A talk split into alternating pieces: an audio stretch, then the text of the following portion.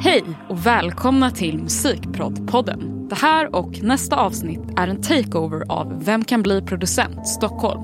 Ett producentprogram för kvinnor och transpersoner som drivs av Popkollo. Vi som sitter i studion är jag, Lovina Isaksson. Jag, Anna Engberg. Och jag, Vincent Almgren. Och vi kommer snacka workflow, breakbeat, imposter syndrome och mycket mer. Och i det här avsnittet har vi också ringt upp indiehitproducenten och instrumentbyggaren Termiti samt låtskrivaren och popproducenten Nathalie Nor och snackat med dem. Nu kör vi!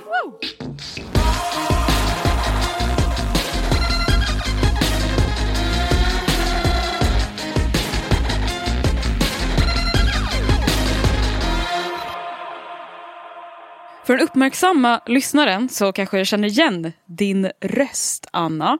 Du var med i avsnitt nummer 74, kollade jag upp, eh, som var för fyra år sedan. Mm. Men för de som inte kommer ihåg det avsnittet eh, så är du Grammisnominerad masteringstekniker, eh, du har ett solprojekt som heter Äng, du har varit lärare på SAE samtidigt som du var student. du har också varit eh, inspelningstekniker Eh, på Soundtrade, eh, mixar och eh, hållit en drös masterclasses och clinics i audio engineering. Jag har hunnit med en hel del. Ja men berätta mer. Vad har du eh, gjort sen ditt avsnitt? Um, ja, alltså jag har hållit på ganska mycket med ganska mycket. Uh, på sistone så har jag mixat rätt mycket. Uh, men jag har också börjat släppa låtar i ett eget projekt istället för att bara jobba på andras projekt, vilket har varit jävligt kul. Um, så det är roligt. Men berätta, vad är det för släpp? Uh, det är ett litet projekt som föddes under pandemin av att, som många andra, uh, så hade man helt plötsligt lite tid att lägga på sig själv. Um, och Gud vad jag inte kan relatera. Alla är verkligen så så här, åh under pandemin då började jag göra så mycket musik för jag inte så mycket tid. Typ. Och för mig var det så här. Nej, åh, alltså det var väl mer ett sätt att hantera ångesten. Ja, okej, okay, jag stirrade i taket så det var mitt produktiva. Ska jag byggde den här studion. Men Eller hur? Eller hur?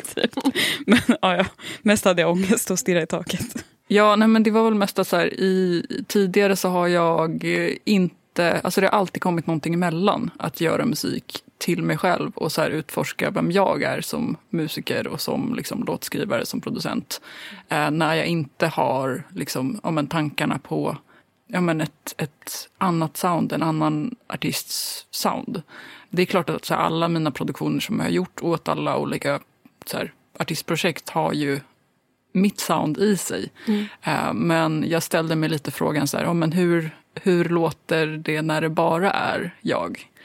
Um, och med det sagt så uh, har jag också tagit in ganska mycket alltså folk i projektet och gjort låtar med personer. Uh, för det är ju så mycket roligare att göra musik tillsammans med folk. Mm. Annars så är det, blir det väldigt lätt, tycker jag i alla fall, att man bara sitter och så stirrar hatiskt in i sin egen navel.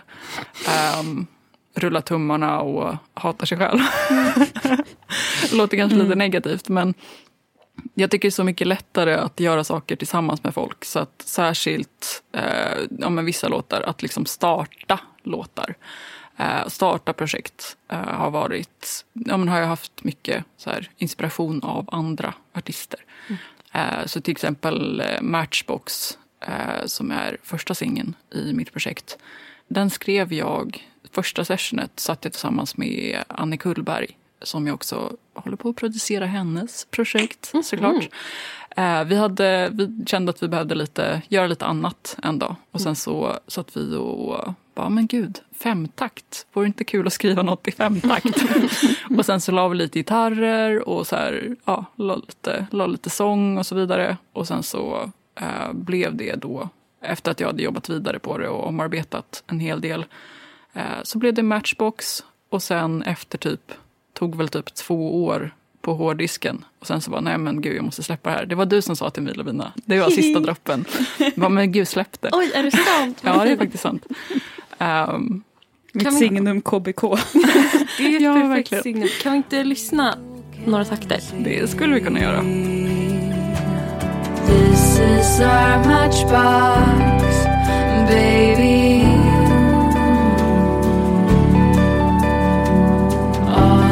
lot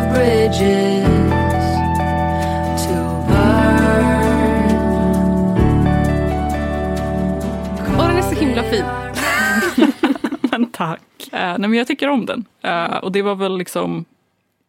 Ja, men att jag släppte den berodde dels på Lovina då, men också på att jag upptäckte att jag satt och lyssnade på den i min Google Drive.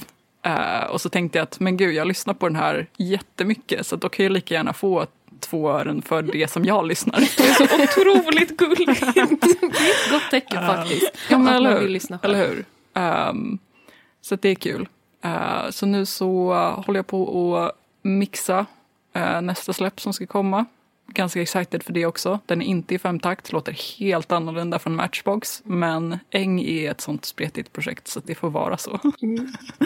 Kul. Är det den, den som du visade förut? Ja, precis. Ja, precis. den var liksom... Jag tyckte det var så kul för den var ju motsatsen till allt du som jag någonsin sett du hållit på med eller pratat om. För du är så himla mycket så här hög ljudkvalitet och verkligen så här audio engineering, det är liksom ljud. Och den var så här, ja här har jag skitit i att göra fades för det blir så himla fint med klippet här i takt. och jag bara, va? Är det jag som pratar? Är det Anna? Vem, vad är det som händer? Ja, nej, men alltså, jag har ju på riktigt så här, riktat mikrofonen mot datorfläkten lite så att det ska komma in mera brus i sångtagningarna. alltså det, så otroligt ja, Det låter ju verkligen så som du har hållit på den eh, senaste tiden, Lovida. Du har ju faktiskt gjort så många grejer. Alltså, din karriär i Dollars Haze, ni vann P3 Guld över Ghost, förband till Iggy Pop och du gjorde ju mix, master och prod på Shitkids Grammis-nominerade album Detention. Alltså du gör så mycket. Alltså Cosmos Mastering, ditt soloprojekt XX Lovina, din karriär som liveljudtekniker. Eh, Studiobyggare. Studiobyggare. Mm -hmm. Alltså, du en allkonstnär, vad ska man säga, med ljud. Och jag tycker att det är så kul att du har så mycket, precis som Anna, den här tekniska fin eh, kunskapen när det gäller ljudkvalitet. Men på senaste tiden har ju jag vet inte, du snackar mycket med liksom mp3-or. Alltså vad, vad är det som händer där med dig egentligen? Mm, jag vet inte, jag tror det... Men när du visar grejer så pratar du, alltså det är liksom lo-fi, det är att förstöra saker. Det är liksom gzz, från Alltså, det är så spännande för mig som, eh, alltså jag håller på att bygga upp mig till ljudkvalitet. Du bygger ner dig. Vad är det som händer? Ja, jag har gjort en liten bakåtresa. Mm. Eh, men det känns som att det liksom, för ett par år sedan så ville jag liksom verkligen så här, ja men, bara lära mig liksom så riktigt, riktigt bra inspelning och ljud. För att jag kanske spelade in mycket band och sånt. Men nu så är ju det jag gör mest är ju att sitta i typ Ableton och breakbeats och allting i, eller det är liksom elektronisk musik och det är väldigt så baserat på att låta Alltså det är inga så här hifi inspelningar om man säger så.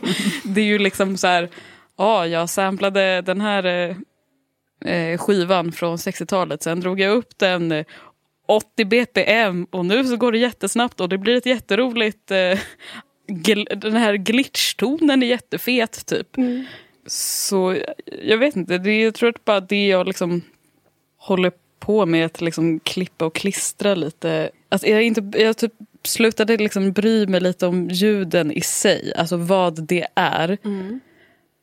Och att det till exempel har varit lättare för mig att göra till exempel med trummor. För att jag kan inte spela trummor. Jag har ingen relation till typ instrumentet trummor. Mm. Typ. Mm.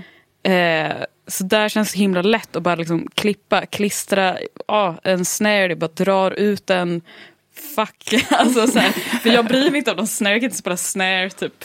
Eh, eller spela snare, jag inte, men jag kan inte jag, alltså, jag är helt värdelös på att spela trummor, det går inte. Eh, och att jag inte varit lika bra på att göra sånt med till exempel gitarr, för att jag spelar gitarr, jag har ganska mycket relation till liksom, instrumentet mm. gitarr.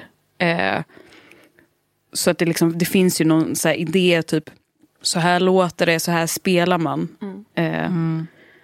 Och det har jag inte till trummor. Och det är roligast att hålla på med trummor tycker jag. Ja, då kan man ju vara lite så här hårdhänt. med trummorna. Om man inte måste känna att man måste bevara dem och få dem att låta vackra. Liksom. Nej, det finns ingenting att, liksom, att bevara. Eller, det kan vara någonting att bevara, men jag tror liksom att det är liksom den här frånkopplandet av liksom någon slags så här, essens av mm. någonting annat än liksom bara själva ljudet där det är. Mm. Typ. Mm, mm, mm. Men hur ser din process ut? Alltså hur, hur går du igenom dina samples? Hur väljer du dem? Hur, alltså har du något speciellt tankesätt när du sätter ihop?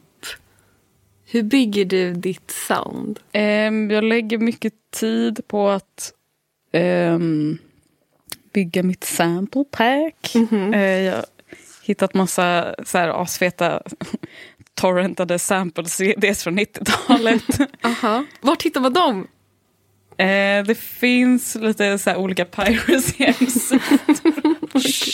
okay. Det finns nog jättemycket på Pirate Bay också. Varför tyst? Det är skitfett. hela den här det, grejen är byggd, hela är genren på, av typ så här, jungle, drum and bass och mm. allt mhm. sånt är byggt på eh, piracy. Det är det som är grejen. Mm. Och sen så lägger jag mycket tid på att alltså, verkligen ha så här, synt sessions. Jag älskar ju syntar. Uh. Eh, så att bara sitta och liksom skruva fram ljud och så sitter jag och bara spelar in, alltså kanske så här, ah, det här ljudet passar med kanske liksom de här ackorden. Mm. Så, så spelar jag in det, men liksom jag börjar inte på en låt mm -hmm. medan jag gör det här, utan jag spelar bara in det. Och sen så sitter jag liksom nästa dag och bara okej, okay, bouncear ut det här i samples. Och så är mina mappar sorterade efter syntar. Och sitter jag och drag and droppar det här ihop i Ableton för att få ihop det. Nice. Du har också gjort lite remixer och grejer, mm. eller hur? Korrekt. Eh, du gjorde en på Barbaras låt, äh, Shamoon.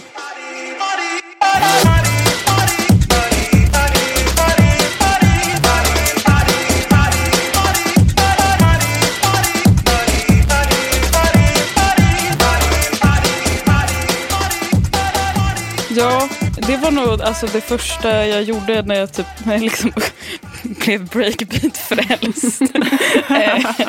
För att jag bara hörde den låten och eh, så här, va, vad fan, typ, den här, lå, den här eh, röstsampan den måste ju liksom vara med såna här, så här breakbeat-trummor till. Mm. Typ. Och så gick jag hem och bara googlade typ så här, how to produce breakbeat. Och så följde jag verkligen liksom den så här, alltså som en YouTube show and tell på typ så här, så här pratar man den genren. Alltså jag använde det som en tutorial för hela den remixen. Eh, och det Ja, jag vet inte, det väckte någonting i mig. Jag tycker den är lite gullig nu, för nu tycker jag den är jätteosvängig. Men men det är också ofta så jag typ gör remixer. Alltså jag, att jag liksom hör en låt och vill göra liksom någonting av det. Mm. Alltså det var ju också att jag frågade inte henne om den här remixen. Jag bara mm. rippade från Spotify och liksom la in, alltså apropå liksom mm. dåligt ljud. och jag bara, det ska vara mono och det ska vara distat och där, där kan det liksom sitta i. Men den här eh, hänsynslösheten till liksom grundkällan, eh, var den likadan eh, när du liksom hade kanske mer en relation till den här låten som Barbara hade gjort än när det är någon random så gammal grej som du bara hittar som du inte vet överhuvudtaget vad liksom, grundkällan är? Ja men alltså kanske lite. Men jag skulle nog ändå säga alltså, till då till exempel eh, Shamoons låt att eh, så här, jag, vet inte, jag har inte riktigt någon relation till liksom, hennes voxa. Eller så här, så där känner jag liksom att jag ändå kan bara betrakta det som det liksom, ljudet i sig. Typ. Mm. Men vänta, kan du inte berätta mer om din syntprocess? För du sa ju nu att du liksom sitter och spelar in samples som du sen kommer drag and droppa. Så du har liksom ingen plan. Eller hur, hur ser det liksom ut? Hur ser din arbetsplan ut? Eller har du en plan? Men, eller det var det jag sa. Alltså jag, liksom, jag sitter liksom och bokar in långa sessions och så spelar in. Typ. Alltså jag skruvar fram ljud. Oj, vilket fett ljud. Typ den här grejen passar med det här ljudet. Spelar in, så här, går vidare, gör ett nytt ljud. Hittar en annan grej, spelar in och så liksom blir det ett långt projekt av massa syntgrejer. Och så sitter jag bara bouncear ut det till snyggt klippta samples i så här, så det är liksom, ackord, e-moll. Ja, det är så liksom ackord, någon liten melodisnutt typ. Den typen av samples liksom, som du spelar in. Eh, ja, när det är syntar. Eller jag vet inte vad man skulle kunna göra för andra syntgrejer. Har du favoritsynt just nu? Som du har suttit med mycket? Arp Odyssey. Vad är det du gillar med den? Eh, att den är så wonky och helt obegriplig. Eller alltså jag kan ju den men det är ändå som att den inte riktigt, alltså den är bara konstig. Det är så jävla ologisk. Mm. Och jag gillar det för det blir alltid konstiga ljud, det blir alltid konstiga nya ljud. Och att den liksom, eftersom den är duofonisk, eh, oscillatorerna är liksom inte kopplade till varandra. Mm. Typ. Eh, så att, så blir det liksom, man kan ställa in den. Alltså jag vill egentligen bara att man detunar, men det känns inte liksom att man detunar. Men du kan liksom ställa in frekvens på båda exakt var som helst. Liksom. Men alltså, vad är det du letar efter när du sitter där i din långa synth-session? Vad är det liksom du lyssnar efter? Jag tror att jag, liksom, jag lyssnar inte efter någonting och att det kanske är liksom den så här förutsatt, eller vad ska man säga, förutsättningslösa grejen som kanske är lite som är lite kon- vinnande konceptet. Eller liksom, jag ska inte säga att, jag vet väl inte om det är vinnande eller inte men det funkar för mig. Eh, men jag tror att det liksom gör någonting med kreativiteten att eh, inte ha en plan utan att jag spelar också in typ ja, men alltså också digitala syntar som har massa ljud som jag gillar. Och då- Alltså det är ju verkligen bara bläddra presets. Ha, vad roligt typ. Och så plink, plonk typ. Och sen, jag letar ju inte efter någonting. Det är helt liksom förutsättningslöst. För Eh, det tror jag ett jätte, eller så här, det hålet ramlar jag jätteofta ner i när jag, jag börjar tror- någonting. Jag Att tror att här- folk fastnar mycket i liksom att de har en idé eller liksom att de konceptualiserar typ vad de ska göra och till vilket projekt. Och att det liksom finns en massa idéer om vad de gör innan man ens har börjat. typ. Så är jag. Och det, men det, Så jag ja, och det kanske här kan funka ibland. Typ, men jag tror också att det hämmar många Mm. väldigt mycket. Att liksom, Istället för att så här, få se vad det blir. Mm. Och just den så här, att sitta och verkligen lägga tid på att spela in alla såna där roliga samples är också att så eh, separera skapandet från liksom, editeringen. Alltså, jag tar ingen ställning till någonting. Alltså, det, inga värderingar utan bara så här, helt fritt sitta och spela in typ. Och så är det ju liksom dagen efter när jag kommer till studion som jag får, i och för sig kanske inte värdera så himla mycket då heller eftersom inte, jag sitter ju bara och sorterar upp dem. Men ändå att så här, den där liksom redigeringsdelen av hjärnan, den liksom tekniska delen av hjärnan, försöker jag hålla isär från den kreativa. Okej, men jag undrar, hur har ditt skrivande sett ut från ditt eh, arbete i Dolores Haze som var mer gitarrbaserat till nu när du sitter och klipper mp3or? Eh, vad, hur, hur har det förändrats under dina år? Jag tror typ det är lite för wide range. Alltså, för det då är det liksom bortom produktion också. Det är liksom Mm. två helt olika... Mm. Men alltså, jag tror att man liksom också måste förstå att jag har aldrig alltså, så här, skrivit som så här, sitta text och melodi typ. Mm. Alltså jag försökte ta men det blir så jävla dåligt. Mhm. Eh, så att jag skriver ju, alltså för mig produktion är ju verkligen mitt huvudinstrument och det är utifrån det Spela jag dator. skriver. Ja men det är ju verkligen det. Alltså, Jag spelar också dator. jo, men när, jag, när jag körde live någon gång så var min pappa typ så här, ah, vad, vad, vad ska du spela för något? Ska du spela gitarr? jag bara, jag ska spela dator. På tal om syntar hörni. Vi har ju börjat bygga lite egna grejer, du och jag Lovina också. Mm. Mm. Eh, vi sitter och löder lite grejer tillsammans. Mm. eh, vilket är så jävla kul. Nu har vi inte gjort det på jättelänge.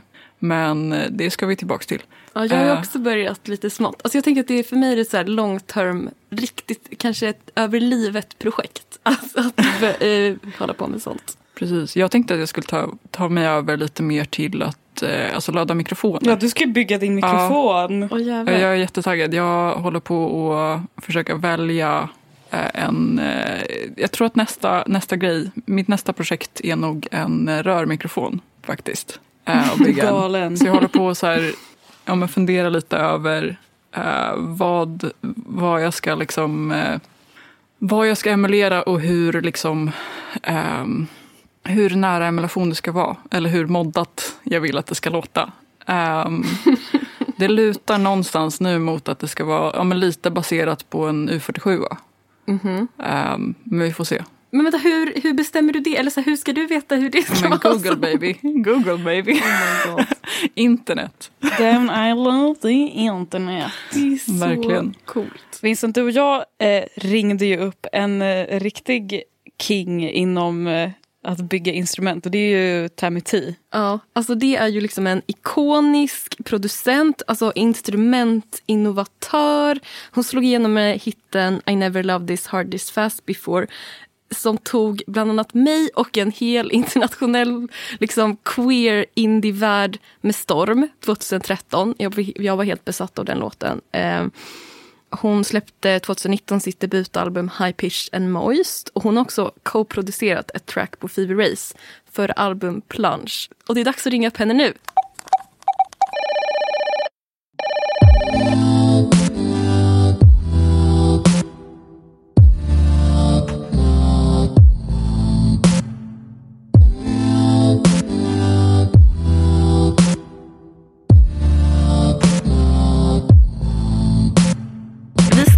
Börja från början. Vad är din musikaliska bakgrund och hur började du med musikproduktion? Ja, det började med min farfar som lärde mig spela piano, tror jag.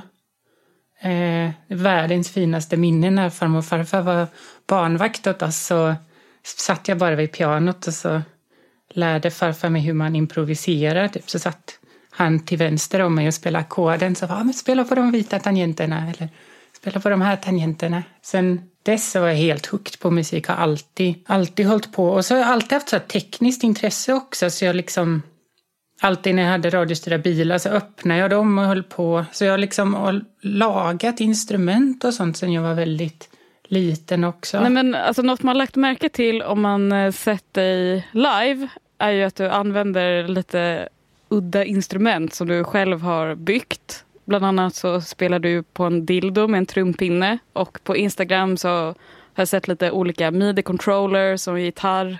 Eh, undrar hur började du med dina instrumentbyggen?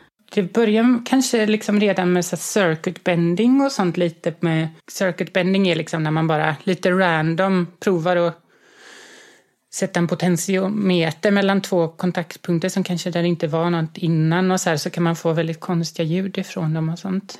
Um, det, så sånt har jag hållit på med ganska länge, men sen var det väl mer...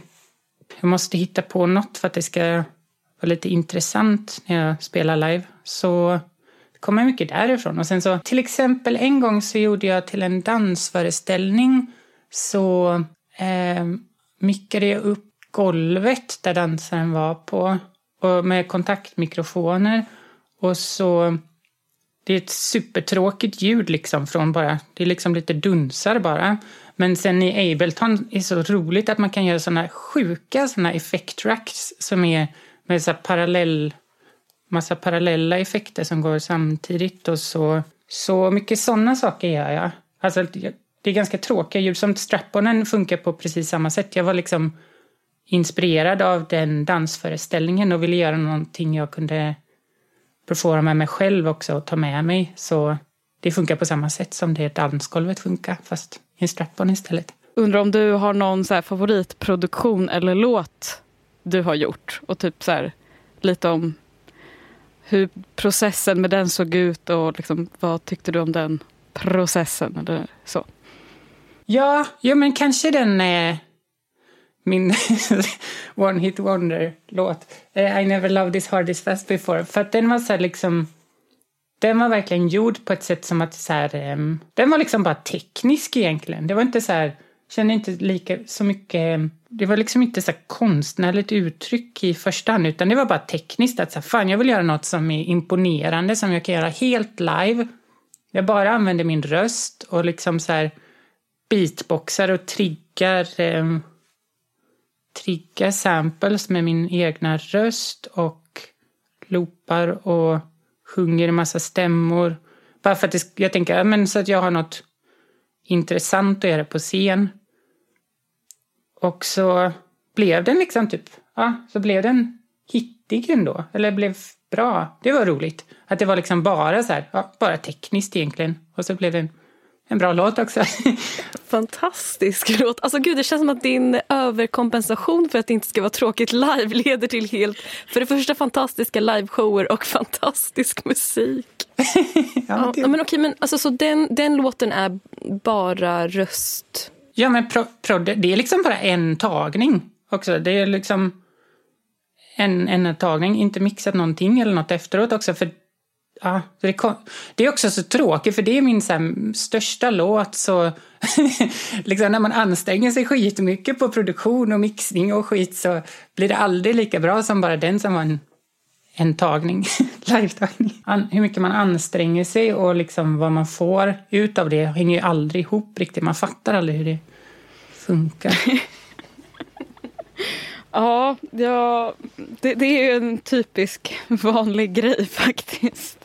Nej, men alltså det, alltså det är ju så intressant allting, men vi kanske ska ta vår... Jag skulle kanske vilja höra i allmänhet alltså, om hur du tänker kring din ljudvärld. Eh, alltså vad som kommer först. För nu pratar du om liksom att, att det tekniska kommer först, instrumenten som blir... För du har ju ett väldigt specifikt sound. Vart, hur, hur, vilka element tycker du är de viktiga i din ljudvärld? Och hur ser du på dem? Jag tror inte jag tänker så mycket på det, liksom vad som är viktigt och så. Jag tror att det bara är någonting som kommer av sig själv väldigt mycket. Jag brukar inte... Alltså det jag tycker är intressant, det är det som jag kommer släppa liksom. Det som låter... Och då är det... känns bara som att det är min smak på det jag håller på med. Jag kommer ihåg när jag var, jag kommer när jag var superliten så läste jag någon sån typ Amelia eller någonting. Och så stod det, jag vet inte varför det har fastnat så mycket, men då var det någon som pratade om så hur man får en så fin stil i sitt hem. Och då, då var det en som bara sa, nej men man behöver inte tänka på det, ta bara det du gillar liksom, då blir ju det automatiskt så här, då blir det bara din stil.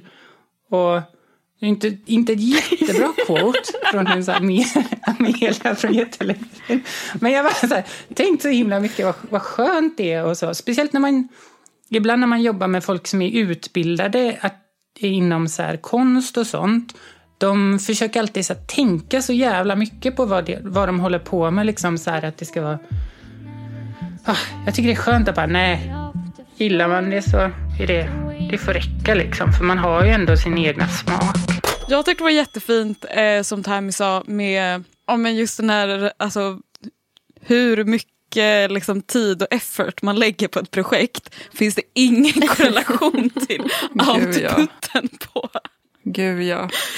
Eh, alltså, jag känner den... att det gör ont också. För att man bara, eller jag tänker bara på massa projekt jag har gjort mm. där som verkligen så här, man har lagt ner hela sin själ och man har gjort så mycket. Mm. Och så bara Ja, nej, det, det, var inget. Och sen så är det typ så att man någon gång gjorde det så här, haha, kolla, jag har gjort lite skojigt beat typ. Och det är så här, åh oh, shit, vad fett typ. Verkligen, men det var ju typ lite den eh, slutsatsen som jag kom fram till i min C-uppsats om vocal pitch correction också. Mm -hmm. eh, alltså så här, när jag frågade vanliga människor vad de tyckte. Mm. Eh, och så här, det var ju typ, alltså 40 procent hörde inte en skillnad mellan någonting som inte var tunat överhuvudtaget och så här, på, med mening sjunget falskt.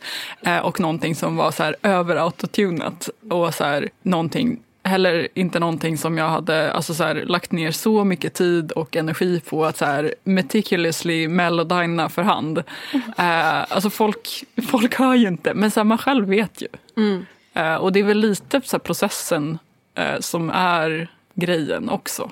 För en ja, själv. Ja, absolut. Ja, men för jag tänker typ att det där är lite Alltså det är ju tudelat som du säger, tänker jag. Att jag vet ju att ingen kommer bry sig eller höra om typ så här, exakt vad för coola analoga syntar jag har haft i mina låtar. Ja men det, är, så det finns en miljard jättebra pluggar, de låter säkert mycket bättre. Alltså, mm. så här, det är inte en grej ens. Men jag lägger jättemycket tid på att verkligen så här, skulptera varje ljud. Fastän ja. det finns massa, alltså det finns hundra presets. Det hade gått jättemycket snabbare om jag ja, men verkligen. Alltså, jag tror men det är ju liksom ja. att så här, eh, jag, alltså jag försöker hålla det som en balans. Att jag tillåter mig själv lite att ramla ner i det hålet. För att det är liksom där jag gillar att vara. Det är mm. det jag gillar att göra.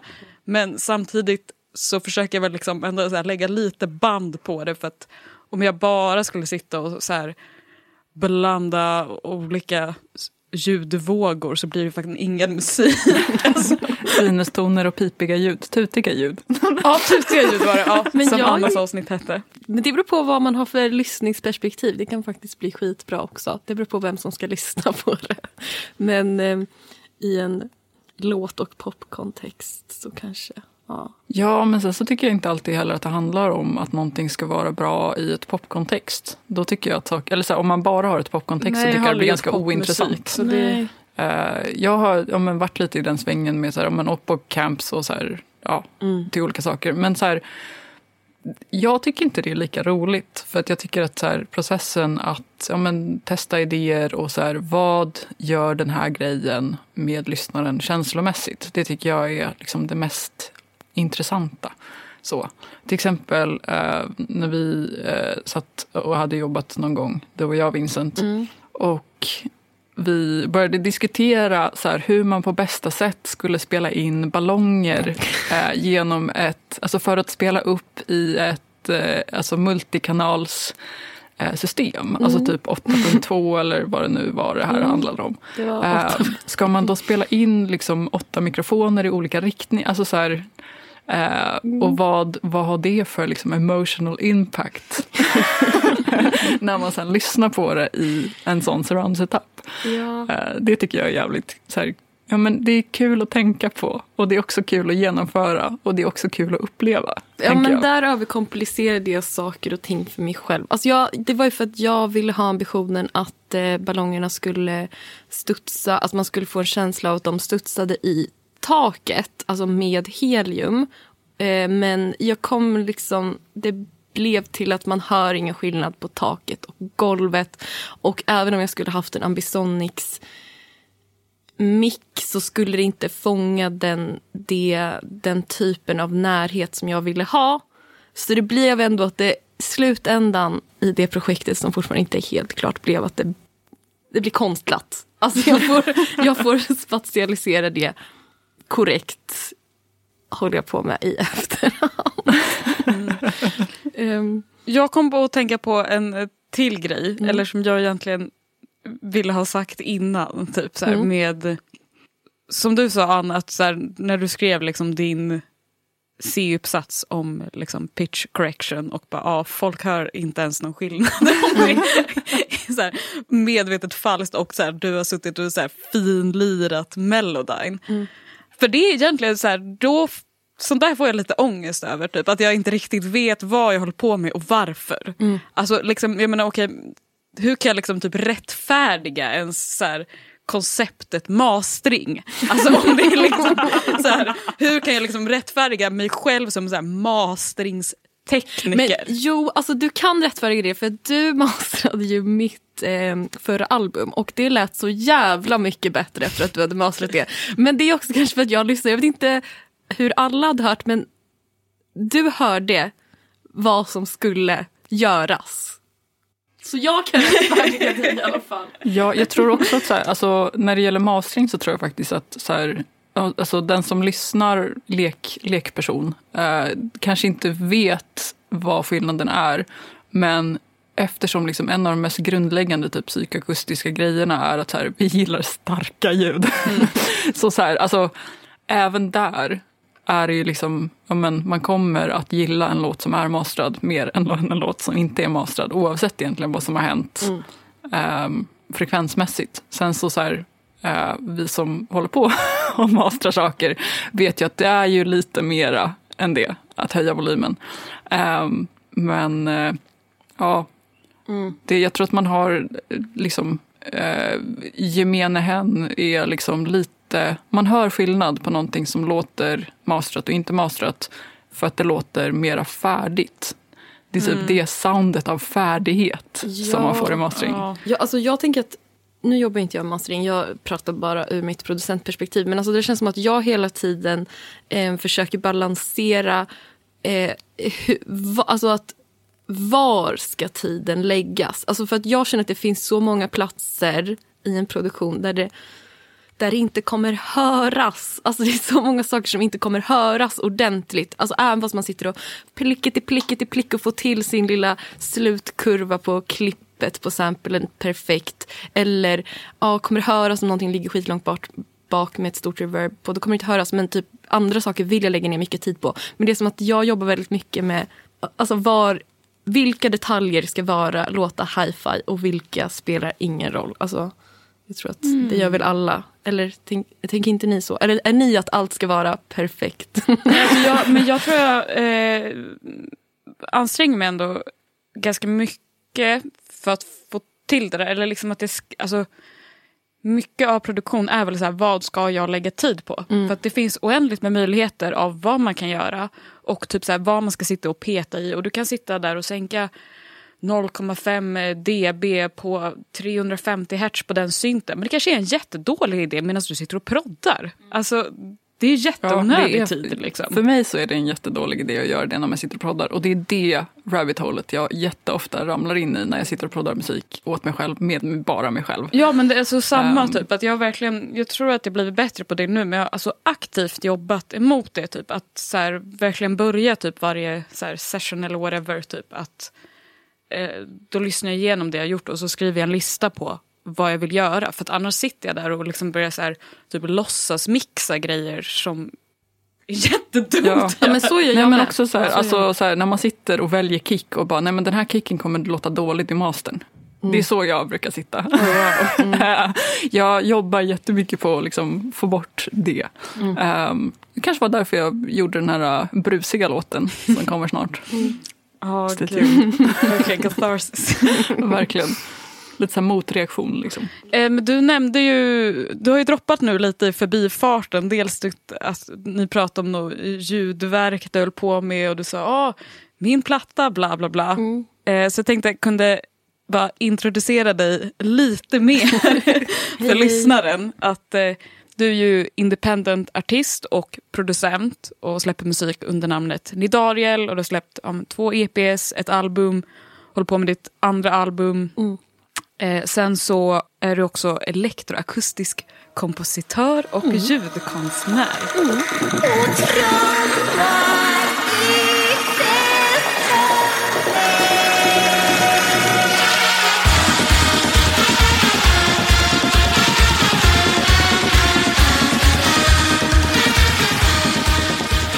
Jag vill också slå ett slag för, eh, alltså i ditt artistprojekt, hur du också jobbar jävligt mycket med alltså, den visuella upplevelsen.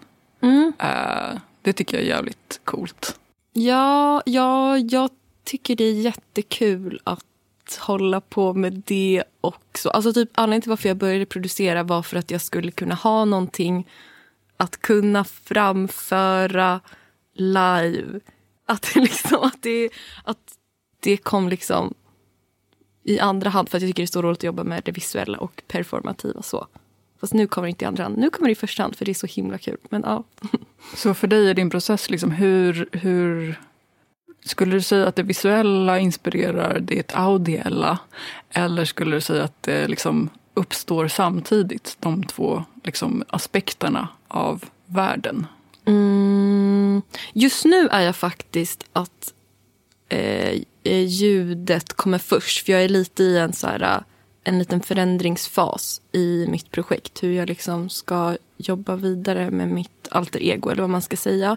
Så just nu är jag väldigt mycket inne i eh, ljuden. Och det är väldigt kul att, att, att vara där. Men jag tänker såklart också, hmm, hur ska man framföra det här live?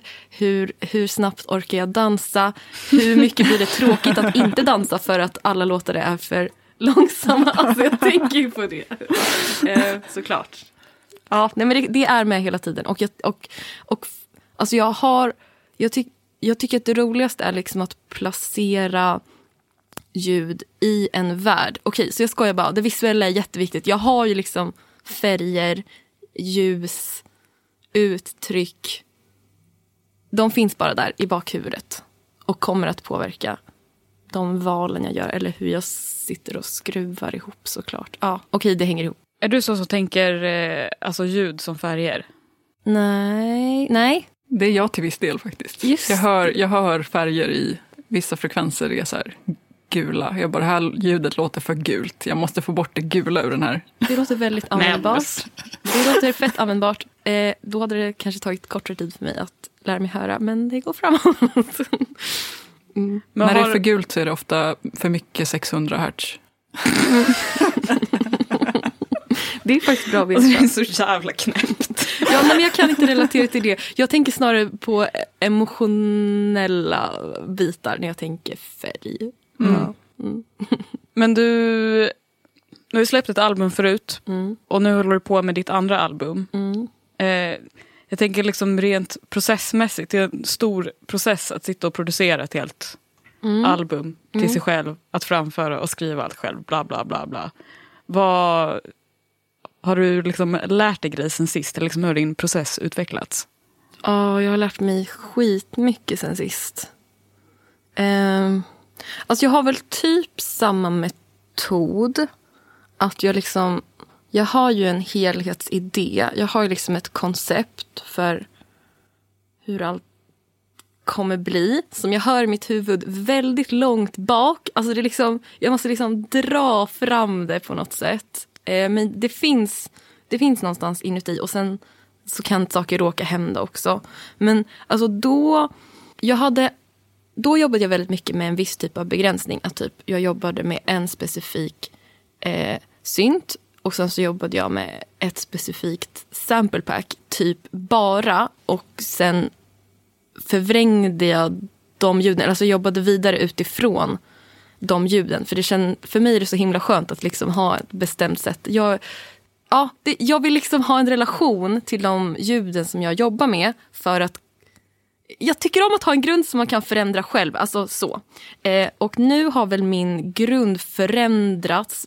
Min värld har öppnats på något sätt. Den har öppnats upp för nya element. Och, just, och jag jobbar mycket mer akustiskt nu också för att jag har tillgång till eh, andra instrument och så. Håller på att jobba med slagverk och eh, sånt. Och det började ju redan, eller min förra EP, att, spe, att, liksom ta in an, att ta in andra musiker också. Och det tycker jag är skitkul att liksom blanda det elektroniska med det akustiska. Fast just nu har jag ingen som spelar på min men jag spelar själv istället. Ja. Ja, möjligheten finns där. Möjligheten finns om jag skulle vilja. Jag tyckte en rolig grej, vi pratade ju om process eh, för ett tag sedan Mm. och eh, hur, eh, pardon my French, fascistisk du är. liksom, eh, ja, men så här, tidsplanering. Ja. Att du är väldigt så här, gå vidare, bli klar. Ja. Om den här låten är klar, den ska vara klar då, sen så är det bara att gå vidare. 100 procent. Ja, alltså jag har en två veckors plan. Eh, det är liksom som jag, har- jag har ett schema som rullar. Det är två veckor per låt. Och sen måste jag släppa den och sen kommer det dröja x antal veckor tills jag kommer tillbaka till den. Om jag nu kommer, jag måste komma tillbaka till den. Men ja, eh, ja. Nej men mitt liv fungerar på det sättet. Jag tror att det är smart. Jag blir otroligt inspirerad av det. Ehm, för att jag känner verkligen att jag måste så här, bara släpp det och gå vidare. Liksom. Ja men 100 procent, alltså livet är så långt. Eller alltså utan en ram så kan man ju hålla på i en oändlighet. Eh, Verkligen. Mm. För, det, ja, för mig så blir det ju så att jag så här, ja, nej, men, eh, får i uppdrag att jobba på någon annans projekt. Och det är ju jättekul. Liksom.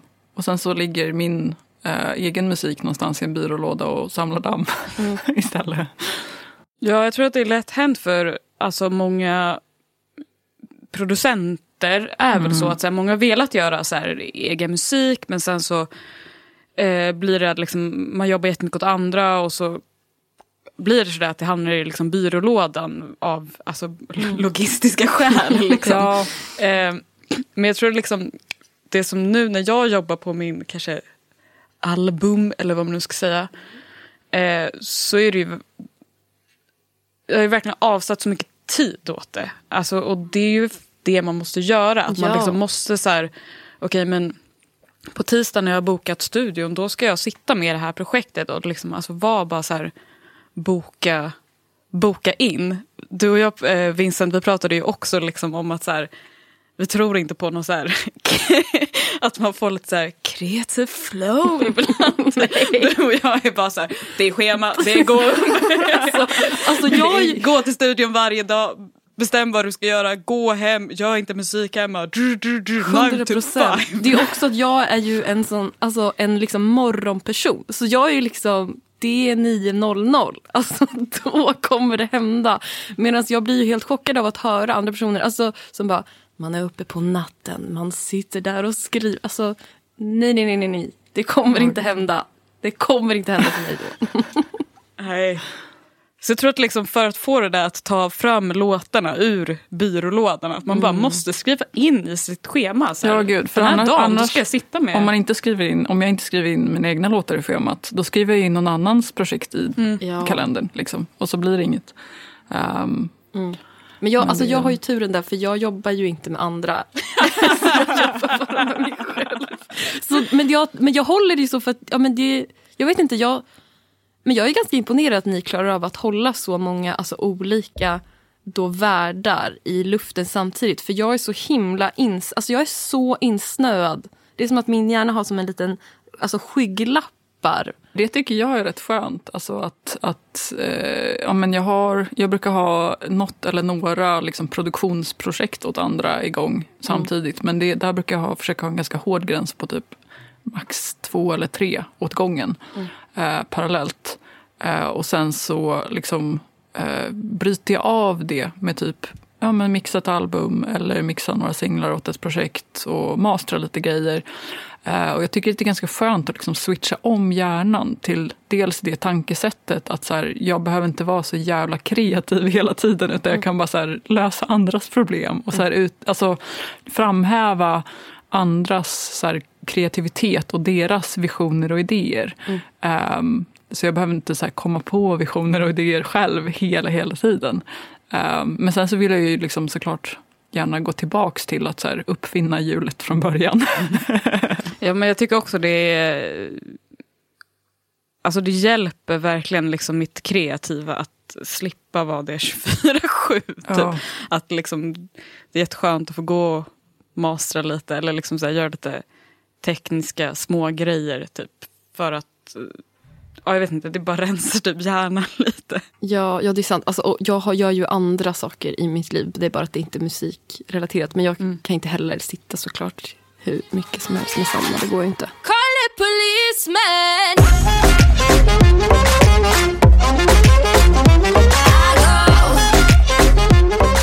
Jag ringde upp Nathalie Nord som är producent, låtskrivare och artist. Hon har jobbat med akter såsom Lale, Hanna Färm, Nia, Sandro Cavazza, bara för att nämna några. Hon har också ett artistprojekt och släpper då musik under namnet Nathalie Nord.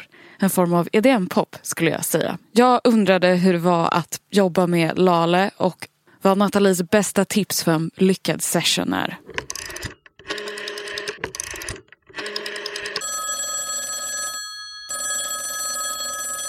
Vi kände ju varandra för att vi gick samma gymnasium. Och jag gick musik och du gick eh, teater. Och jag minns att eh, någon dag, typ strax efter gymnasiet, att jag scrollade genom min Facebook-feed. Och så såg jag ett inlägg av dig som var så här. Åh, min låt har eh, valts ut till eh, Summerbursts officiella Anthem 2016. Så kul! Eh, Just det. Kanske inte med den rösten, men Throwback Thursday. Ja, och det var ju din första släppta produktion då. Moon hette den låten. Men det som, eller som jag liksom var förvånad över då, det var jag bara va? Jag visste inte ens att du gjorde musik. Typ. Du har, satt du liksom bara i källaren och så här, prodda EDM. Hur började du producera musik? Det är frågan. Alltså, jag, egentligen musik har alltid varit mitt eh, mål på något sätt. Eller jag har alltid liksom, min dröm att jobba med musik. Men eh, specifikt typ bli en artist eller sångerska. Eh, och jag liksom jag minns när jag var liten och skrev så här, låttexter i mina dagböcker och spelade in dem i garageband och sånt. Och sen när jag var i tonåren, eh, medan jag gick teater, så demosjöng jag mycket hos en annan producent. Jag såg vad han höll på med i datorn. Jag tyckte det såg så himla kul ut. Det såg ut som att han spelade ett spel, typ. Så att eh, jag, eh, när jag var kanske 19, då bestämde jag mig att så här, men jag vill också testa det där. Alltså, det ser så himla kul ut. Då när jag var 19 och började jag liksom på riktigt kötta och göra mycket musik. Och sen något år senare så såg jag att Summerburst eh, söker en kvinnlig producent som kan producera årets anthem. Och först när jag läste det var jag så här, nja, alltså jag vill inte göra house riktigt, inte så här progressiv. Summerburst house jag vill mer kanske göra pop, typ. Um, men sen så minns jag att jag läste en tråd på ett Facebookforum för DJs och producenter. Där Det var liksom en tråd där en massa sk- killar skrev liksom så här, bittra kommentarer om det här uh, initiativet som Summerburst hade, att en kvinna ska prodda deras anthem. Och Då skrev de så här att ja, ja, om en kvinna producerar då kommer det låta skit.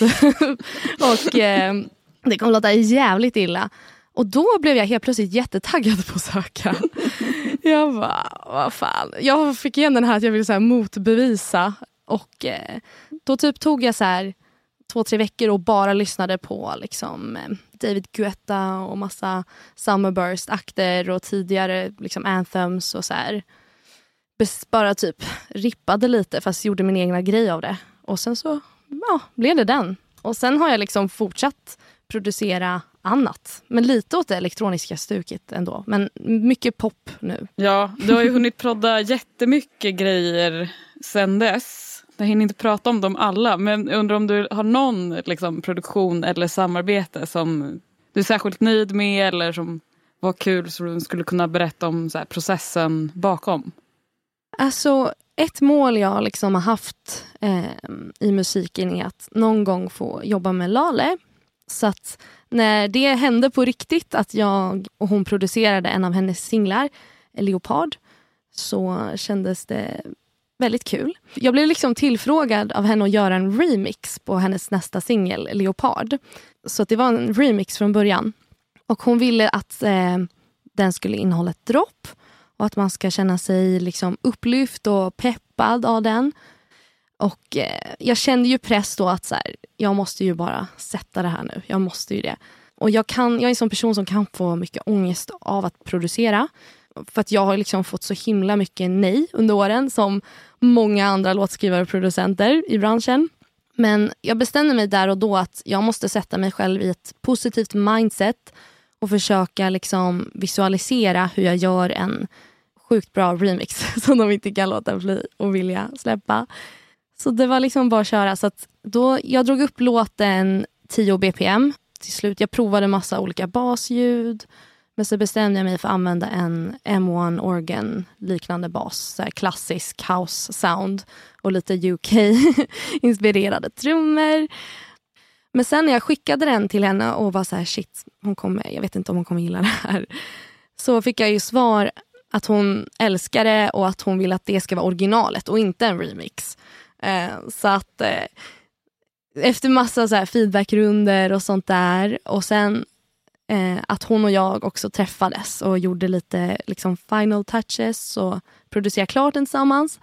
Så liksom kom den ut som originallåt. Riktigt mäktigt. Ja, faktiskt. Riktigt mäktigt. Jag minns jag sa till henne, jag bara, är du säker? Liksom, det här är en annan vibe än vad du annars gör. Hon bara, ja, yeah, I love this. Liksom. Apropå att eh, göra musik med eh, andra människor Mm. Som jag förstått det så sitter väl du ganska mycket i så här låtskrivar-sessions och sånt. Så jag undrar om du har något eh, tips på eller något recept på en lyckad session? Hur, hur gör man en lyckad låt? Yes. alltså det, är, det kan vara en lotteri ibland med sessions. För ibland kan det bli, bli, bli så himla bra och ibland kan det bara bli whatever. Uh, men ett hett tips som jag själv måste börja följa med är att försöka vara utvilad. Man tänker ju så mycket bättre då, obviously. Och Sen kan det också vara skönt för en själv mentalt att försöka förbereda lite innan. Till exempel genom så här, ladda ner samples man tycker om eller som man blir inspirerad av. Eller jag brukar kanske göra en spellista, så här, session måndag och sen så lägger jag in låtar som jag eh, tänker att det hade varit kul att göra något sånt här idag. Låtar som gör mig inspirerad och taggad att sätta mig och producera. Och Speciellt om jag till exempel vet att den här personen jag ska jobba med den har lite den här viben men Sen kan det ju vara så när man väl träffas i en session att folk vill göra något helt annat. Eh, då är det bara att försöka vara öppen och lyssna på varandras idéer så kanske man hittar något som alla går igång på. Och eh, Jag tycker också det är jävligt nice att försöka ha en vokalkedja redo. Men det kan också vara så himla olika för om man skriver samtidigt med låtskrivare då är det ju låten som är viktigare än prodden. Och då är det väldigt mycket, medan jag gör de här grejerna så är det mycket sitta och bara snacka med artisten eller låtskrivaren eller producenten eller vad det är. Eh, vem man nu jobbar med. Och eh, lyssna på mycket musik. Det, det, är typ det som jag tycker är det bästa med sessions till exempel. Att få snacka med människor och, och prata om livet. Och liksom eh, där någonstans emellan att låten kommer till av alla samtal och sånt. Eh, bli så mänskligare på något sätt. Och sen försöka liksom därefter anpassa produktionen efter låten. Alltså jag, jag har gjort misstaget några gånger att överproducera saker innan det ens finns en låt. Liksom. Mm. Och sen när man spelar in låten så bara oj, men det här matchar inte. Eller produktionen tar ju över. Eller liksom så. Och liksom inte vara för hård mot sig själv om det inte blir världens hit just den dagen. Man kanske ändå har fått en nice samtal och vill ses igen och så kanske det blir ännu bättre nästa gång. Man vet aldrig. Verkligen. En grej som var intressant som du sa förut. Du sa så här, ja men jag som precis eh, med alla andra, liksom, man har fått mycket nej, bla bla bla. Mm. Typ. Och vi hade ju en diskussion innan vi tryckte på räck, typiskt nog, om just när liksom imposter syndrome, att man bara känner sig... Som en fraud liksom. Ja, att man låtsas hela tiden. Och jag bara, men alla känner så. ja, det bara, alla säger, alltså alla känner så. Alltså jag menar, man får ju nej hela tiden. Alltså, det är ju som du säger, mm. precis som mm. alla andra får det. Liksom. Har du något så här, hur man liksom tacklar det? Alltså, jag låtsas att, att det inte påverkar. Nej, jag vet inte. Men eh, jag bara fortsätter, I guess. Det är klart att man blir bitter ibland och har varit bitter liksom, om man får nej på saker. Eh, men jag inser väl att det, det, man måste tåla det. typ. Annars kommer det vara superjobbigt. Eh, så att jag försöker att inte ta saker personligt längre. Det är musik. Liksom. Jag kanske älskar det och någon annan hatar det. Alltså, det är väldigt svårt liksom, då eh, att bli sur om någon in, inte vibar med det. Liksom. Men eh, det är tufft att eh, i den här branschen att man jobbar så mycket gratis. Typ. Och Sen eh, så vet man inte om det kommer komma ut eller inte komma ut. Hur mycket jobb och själ ska lägga i det här.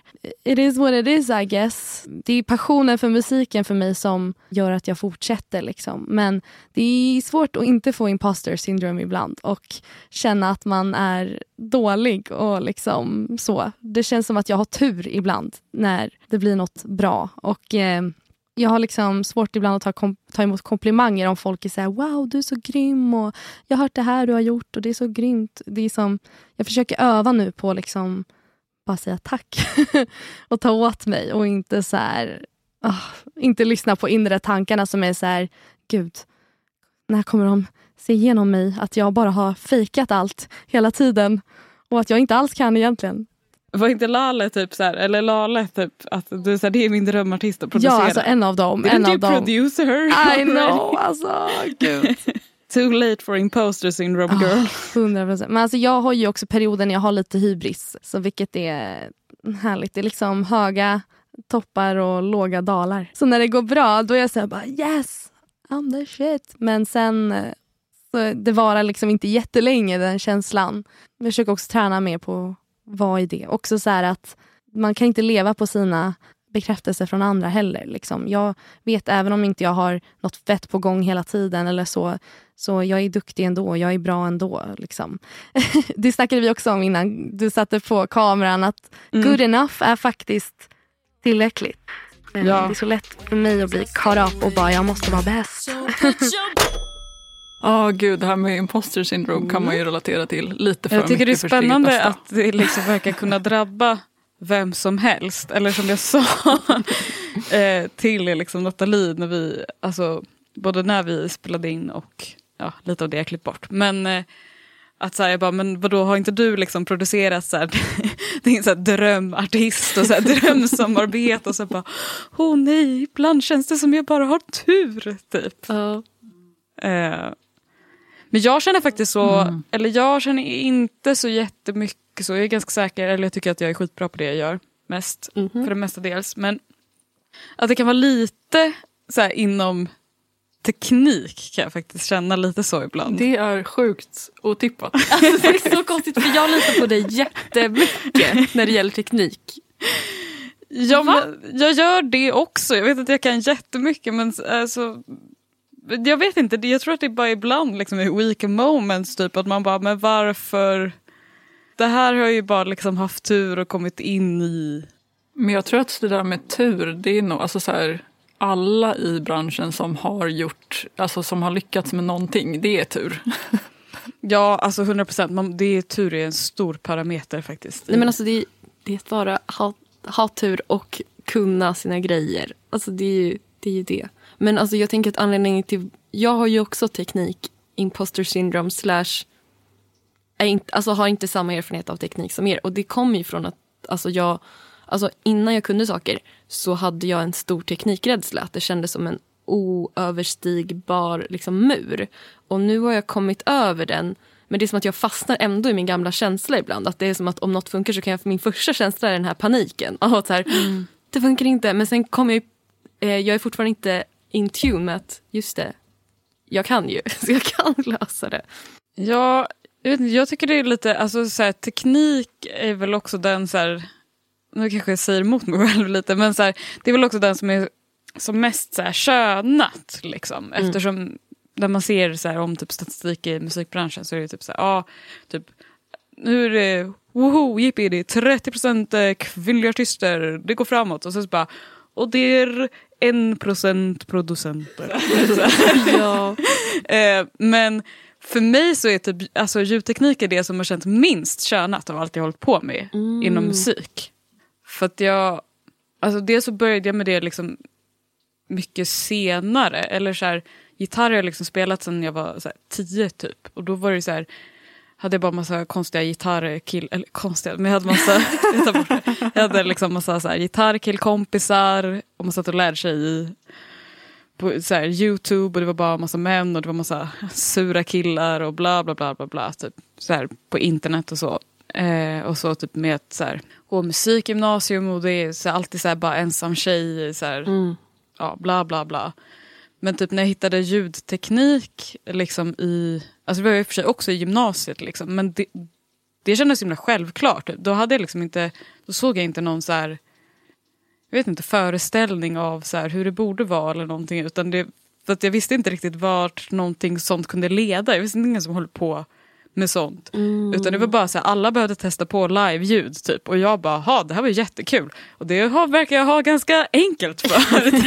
så det var väldigt så här, självklart typ. Och då var det ju bara, då var ju jag den som kunde ljud. Mm. Liksom. Mm. Och, så då var jag bara den som var så här, ljudperson typ. Mm, gud det är så intressant för jag känner att det är det som är absolut mest könat för mig. Det konstnärliga har jag liksom inte haft några komplex för, eller det kreativa så, utan det är just den där teknikgrejen. Att jag typ men det är så skönt nu när jag är på andra sidan. Att jag bara märker att så här, random killar de kan säga saker och så vet jag om det är rätt eller fel. Alltså, jag tycker att det är så skönt. Alltså, typ igår var jag ja, men, i, i, på Elgiganten i min sista eh, datorstress och så bara men det han säger nu, alltså jag förstår ju precis, jag förstår allt, jag kan mer. Alltså, alltså det är så himla ja, det konstigt. Det där är så, så roligt. Ja. Um, men uh, vad heter det, när jag köpte mitt eh, ljudkort som jag sitter med. Det är ganska länge sedan jag köpte det ljudkortet. Eh, men då så gick jag till en musikbutik, eh, name undisclosed. Eh, och eh, ja, men skulle liksom fråga runt för att jag vill prata med någon som vet mer om ljudkort än vad jag gör mm. när jag ska köpa ett ljudkort. Det är faktiskt svårt att hitta. det visade sig att det var jävligt svårt att hitta.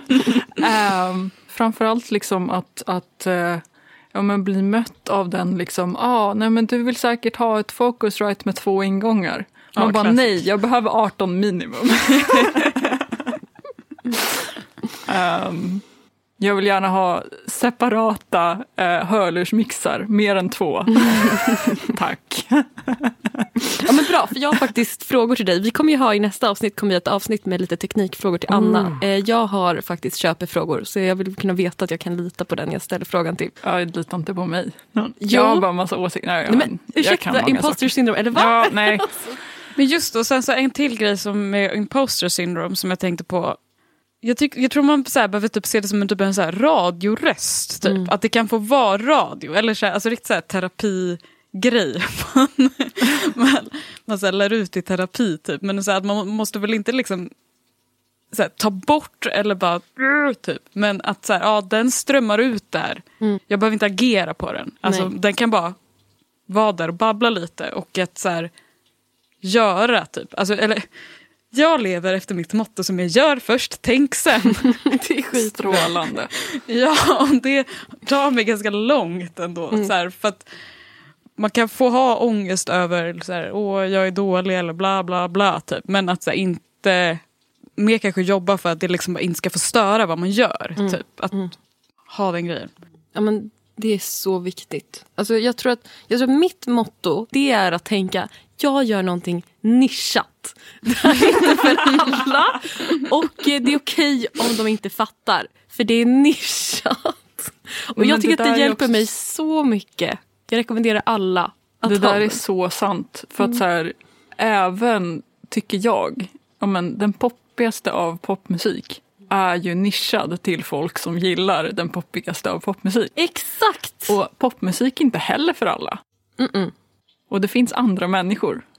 Och så, här, så länge man själv gillar det man håller på med, hot take, wow, Eh, så är det ju bra. Nej, men det ja, så är här så. vill jag verkligen lyfta in det som Nathalie sa, typ, Mm. så här, inte basera sin så här, självkänsla på andras bekräftelse. Ja, men verkligen. Och det är ju, det är ju svårt. Alltså, det är lättare sagt än Ja, gjort. Men, ja. 100 procent. men- 100 procent.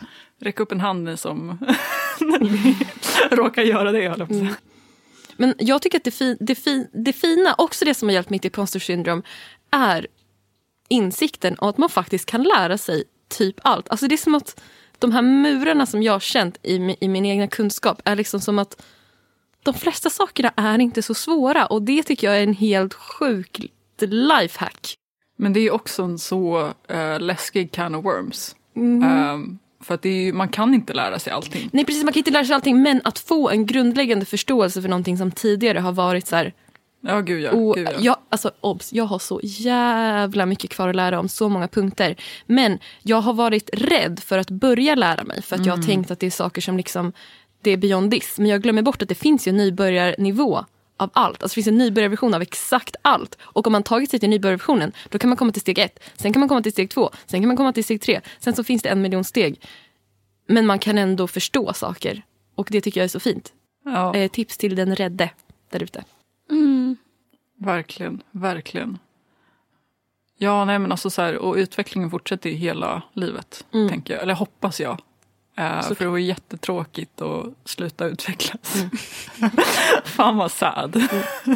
nej men det är också så här, jag tror att man får så här embracea liksom glädjen i att också lära sig nya saker. Det är fantastiskt. Det, Alltså det är det bästa jag vet. Alltså Ja. jag är beroende. Alltså, Ibland så hör jag, eller jag har hört liksom folk som är så här, typ att det är jobbigt att vara nybörjare och bla bla. Och jag, alltså jag tror jag är beroende. Jag måste lära mig grejer hela tiden. ja, jag tror att nyckeln till och den det där också. första, liksom, den där utvecklingskurvan som är så, så här, hög. Liksom, Ja. precis som man börjar. Alltså det är så här, wow, that's my adrenaline, that's my height. Verkligen. Men jag tror att nyckeln till det också är att så här, tillåta sig att vara dålig på saker som man inte kan. Ja. Mm. Och så här, komma ihåg att det är rimligt att vara dålig Ja. på saker som man inte kan. Mm. Ehm, och sen ha glädjen i liksom, utvecklingskurvan där i början. Oh, den är skön. Det är fantastiskt.